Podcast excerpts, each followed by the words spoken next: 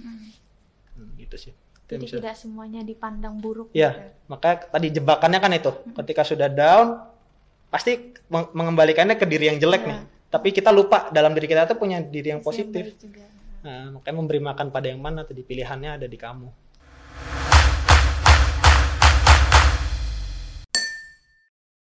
Halo Sobat Katolik, kembali lagi bersama saya Eci dalam podcast edisi Masa Prapaskah. Pada minggu Prapaskah kedua yang lalu, kita telah membahas mengenai pertobatan. Nah, pada minggu ketiga ini, kita akan membahas mengenai penerimaan diri.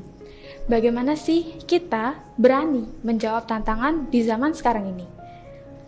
Maka dari itu, saat ini saya sedang bersama dengan salah seorang frater yang akan membantu saya dan sobat Katolik semua untuk berefleksi dan lebih memahami makna dari penerimaan diri.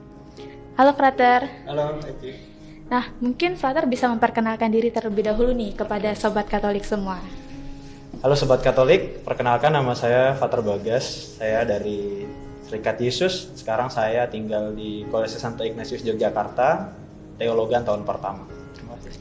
Baik. Uh, Frater, saat ini kan kita akan membahas mengenai penerimaan diri nih.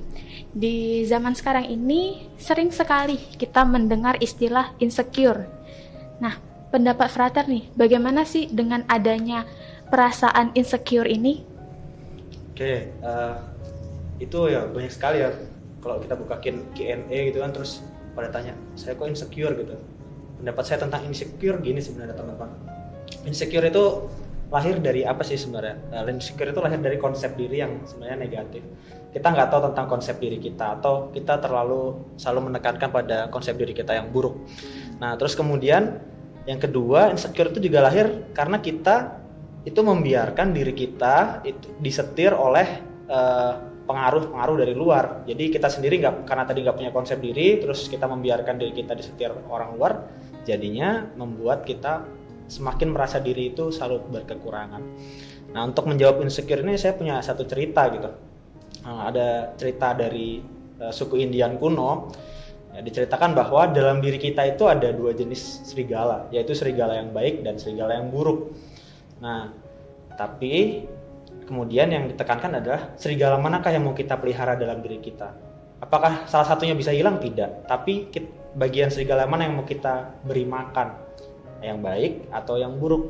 Nah, kalau kasusnya insecurity tadi, kebanyakan kita memberi makan pada yang jelek kan. Nah, makanya konsep diri kita semakin tidak berkembang. Padahal sebenarnya uh, kalau dilihat konsep diri kita itu bisa berkembang kalau diisi dengan hal-hal yang baik gitu. Dan tidak membiarkan media sosial atau pengaruh-pengaruh buruk itu mengisi diri kita. Makanya penting untuk selalu bagaimana mengarahkan pilihan-pilihan kita pada yang baik. Baik, Tar uh, sekarang ini kan kita lagi menjalani masa prapaskah nih Tar. Yeah. Nah, bagaimana sih makna dari penerimaan diri ini dalam masa prapaskah agar dapat mentransformasi hati kita? Okay. Uh, para sahabat Katolik yang terkasih, uh, masa prapaskah ini sebenarnya kan dalam gereja Katolik merupakan masa retret agung. Masa prapaskah ini kalau dalam kerangka penerimaan diri itu untuk bagian merawat batin, merawat jiwa kita. Ini yang perlu kita sadari. Justru saat-saat masa prapaskah ini bukan hanya pantang dan puasa, tapi lebih-lebih melihat diri kamu itu. Saya sendiri sedang mengalami apa, terus kemudian menyerahkan luka-lukamu pada Tuhan.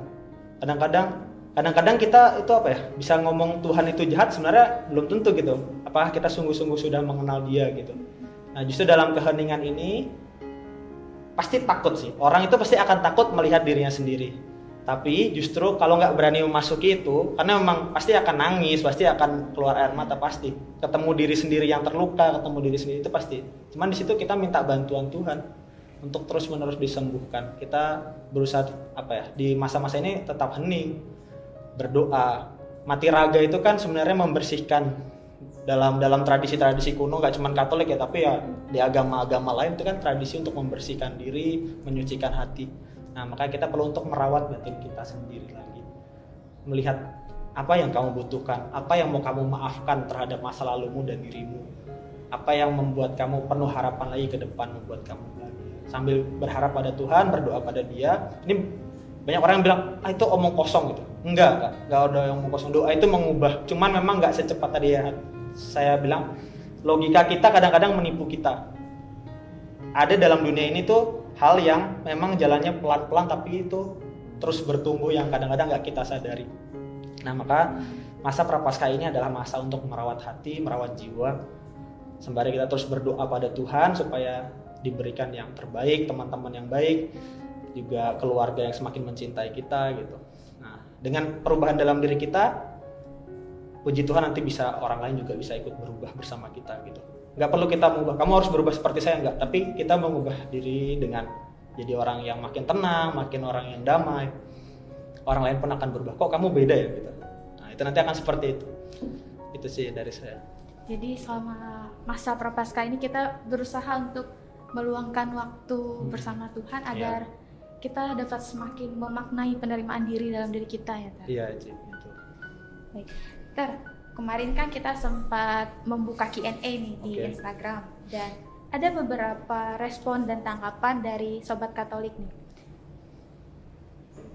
Uh, yang pertama tuh banyak sekali sobat Katolik tuh yang menceritakan pengalaman mereka terkait dengan insecure ini. Hmm. Ada yang merasa insecure karena teman setingkatnya udah pada lulus okay. ada yang merasa insecure karena dia merasa kurang pandai sedangkan di keluarganya sepupu-sepupunya memiliki pekerjaan yang hebat-hebat sedangkan dia tidak. Terus ada juga yang merasa insecure karena merasa kayak apakah aku nih pantas? gitu kan.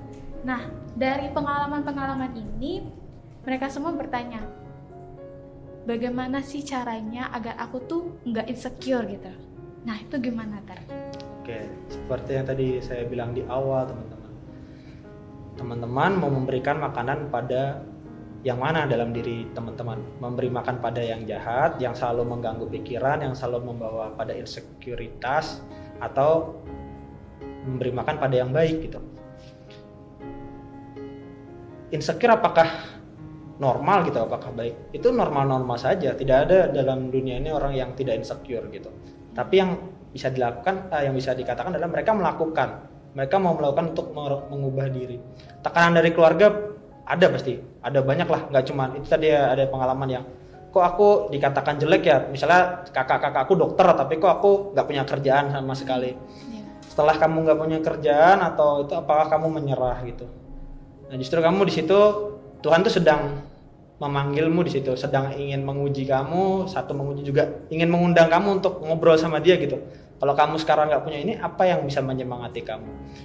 Mungkin kamu bisa diberikan apa ya?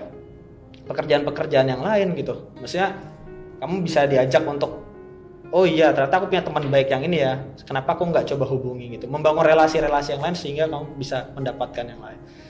Soal pekerjaanmu itu nggak sebagus yang lain, kan hidupmu sama Tuhan itu kan unik ya. Tuhan memberi hidup kamu tuh masing-masing ya si orang ini itu kan unik Nah, justru kamu harus mensyukuri gitu.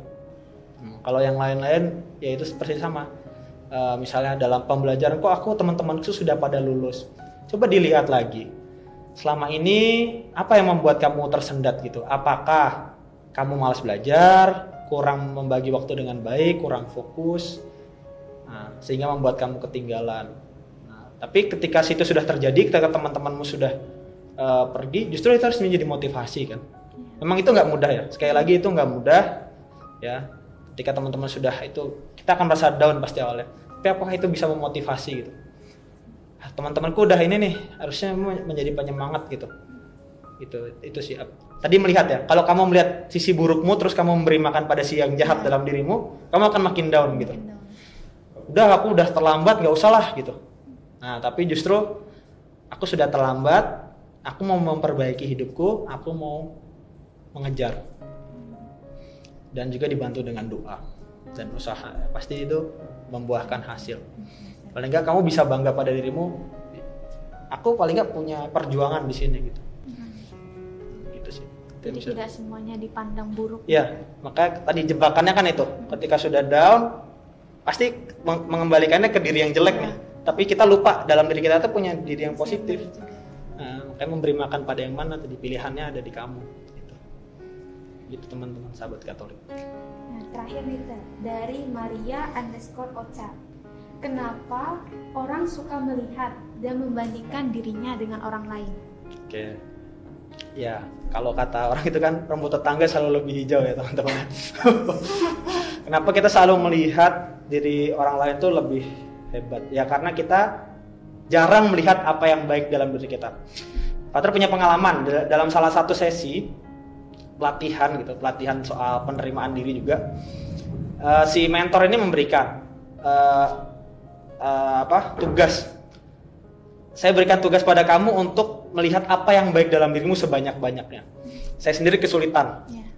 Dia bilang di situ bahwa justru di situlah kamu kejatuhanmu gitu. Kita sering kali lebih gampang melihat apa yang jelek pada diri kita, apa yang buruk pada diri kita. Banyak itu poinnya. Saya berdosa A, B, C, D. Nah, tapi yang baik jarang kita lihat. Nah, itu yang membuat kita punya apa ya? Self esteem yang rendah, penerimaan diri yang rendah. Ketika melihat orang lain lebih berhasil, jadi membanding-bandingkan, iri hati muncul. Jadi dosanya bertumpuk-tumpuk lah itu. Iri hati muncul, terus kemudian jadi gengsi, jadi macam-macam. Nah, justru karena kita tidak mau melihat secara detail diri kita yang baik dari kita kalau ada yang baik dari kita ya kembangkan. Misalnya kamu orang yang murah senyum ya tersenyumlah. Atau kamu orang yang gampang memberi itu yang dikembangkan itu. Perlu diketahui teman-teman jebakan di media sosial itu apa yang para selebgram ya tentunya memang nggak semua tapi kebanyakan belum tentu apa yang cantik itu apa yang ganteng atau yang menarik di sana itu persis dengan kehidupan sehari-hari. Hmm. makanya kamu jangan sangat insecure gitu. Ya itu tapi pertama-tama melihat dirimu apa yang positif dari kamu dan kembangkanlah itu. Nah, makanya nanti setelah kamu kembangkan akan muncul yang namanya percaya diri. Setelah percaya diri muncul maka value dalam dirimu nilai dalam dirimu akan naik. Ketika value dalam dirimu naik kamu akan dicari orang juga. Oh menarik ya orang ini. Ternyata dia percaya diri. Uh, apa yang dia pancarkan tuh positif gitu ke orang lain. Itu sih. Nah untuk gitu. penutup nih Tan. Ada nggak kata-kata mutiara atau kata-kata penyemangat nih dari faktor untuk sobat Katolik semua terkait dengan penerimaan diri ini? Oke, terkait dengan penerimaan diri kata-kata dari yang baik saya ambil dari Santa Teresia dari Lisieux ya. Teresia dari Lisieux itu marah mengatakan bahwa truth is grace ya. Hidup ini adalah rahmat. Semua yang di berikan ke teman-teman hidup teman-teman itu rahmat kamu bisa bangun tiap hari bisa kuliah bisa bekerja. Ya jangan buru-buru menjadi ekstremis gitu. Saya depresi terus pengen apa stres dan pengen mengakhiri hidup. Sebaiknya berpikir lagi hidup ini adalah rahmat semuanya. Kamu diminta oleh Tuhan mengembangkan talenta sekecil apa pun dalam diri kamu ya. Jadi itu. Maka tadi sekali lagi Father katakan hidup ini rahmat maka setiap malam, setiap hari, satu hal kecil yang bisa disyukuri tiap hari. Satu hal baik yang kamu terima atau satu hal baik yang kamu berikan pada orang lain. Itu disyukuri, dijadikan sebagai penyemangat hidup. Itu yang bisa saya katakan. Nah, baik. Nah, sahabat Katolik berarti penting sekali untuk kita bersyukur bahwa hidup yang Tuhan berikan itu adalah rahmat. Jadi jangan sampai lagi kita merasa insecure Nah, baik Frater, terima kasih banyak atas waktunya, atas yeah. sharing pengalaman dan refleksi yang sudah Frater berikan kepada kita semua nih. Semoga apa yang kita bicarakan hari ini dapat membuat kita semakin merefleksikan kembali dan mengambil makna dari penerimaan diri itu sendiri. Nah, baiklah Sobat Katolik, sekian pembicaraan kita kali ini. Sampai ketemu di podcast minggu keempat dengan tema pengharapan. Dah.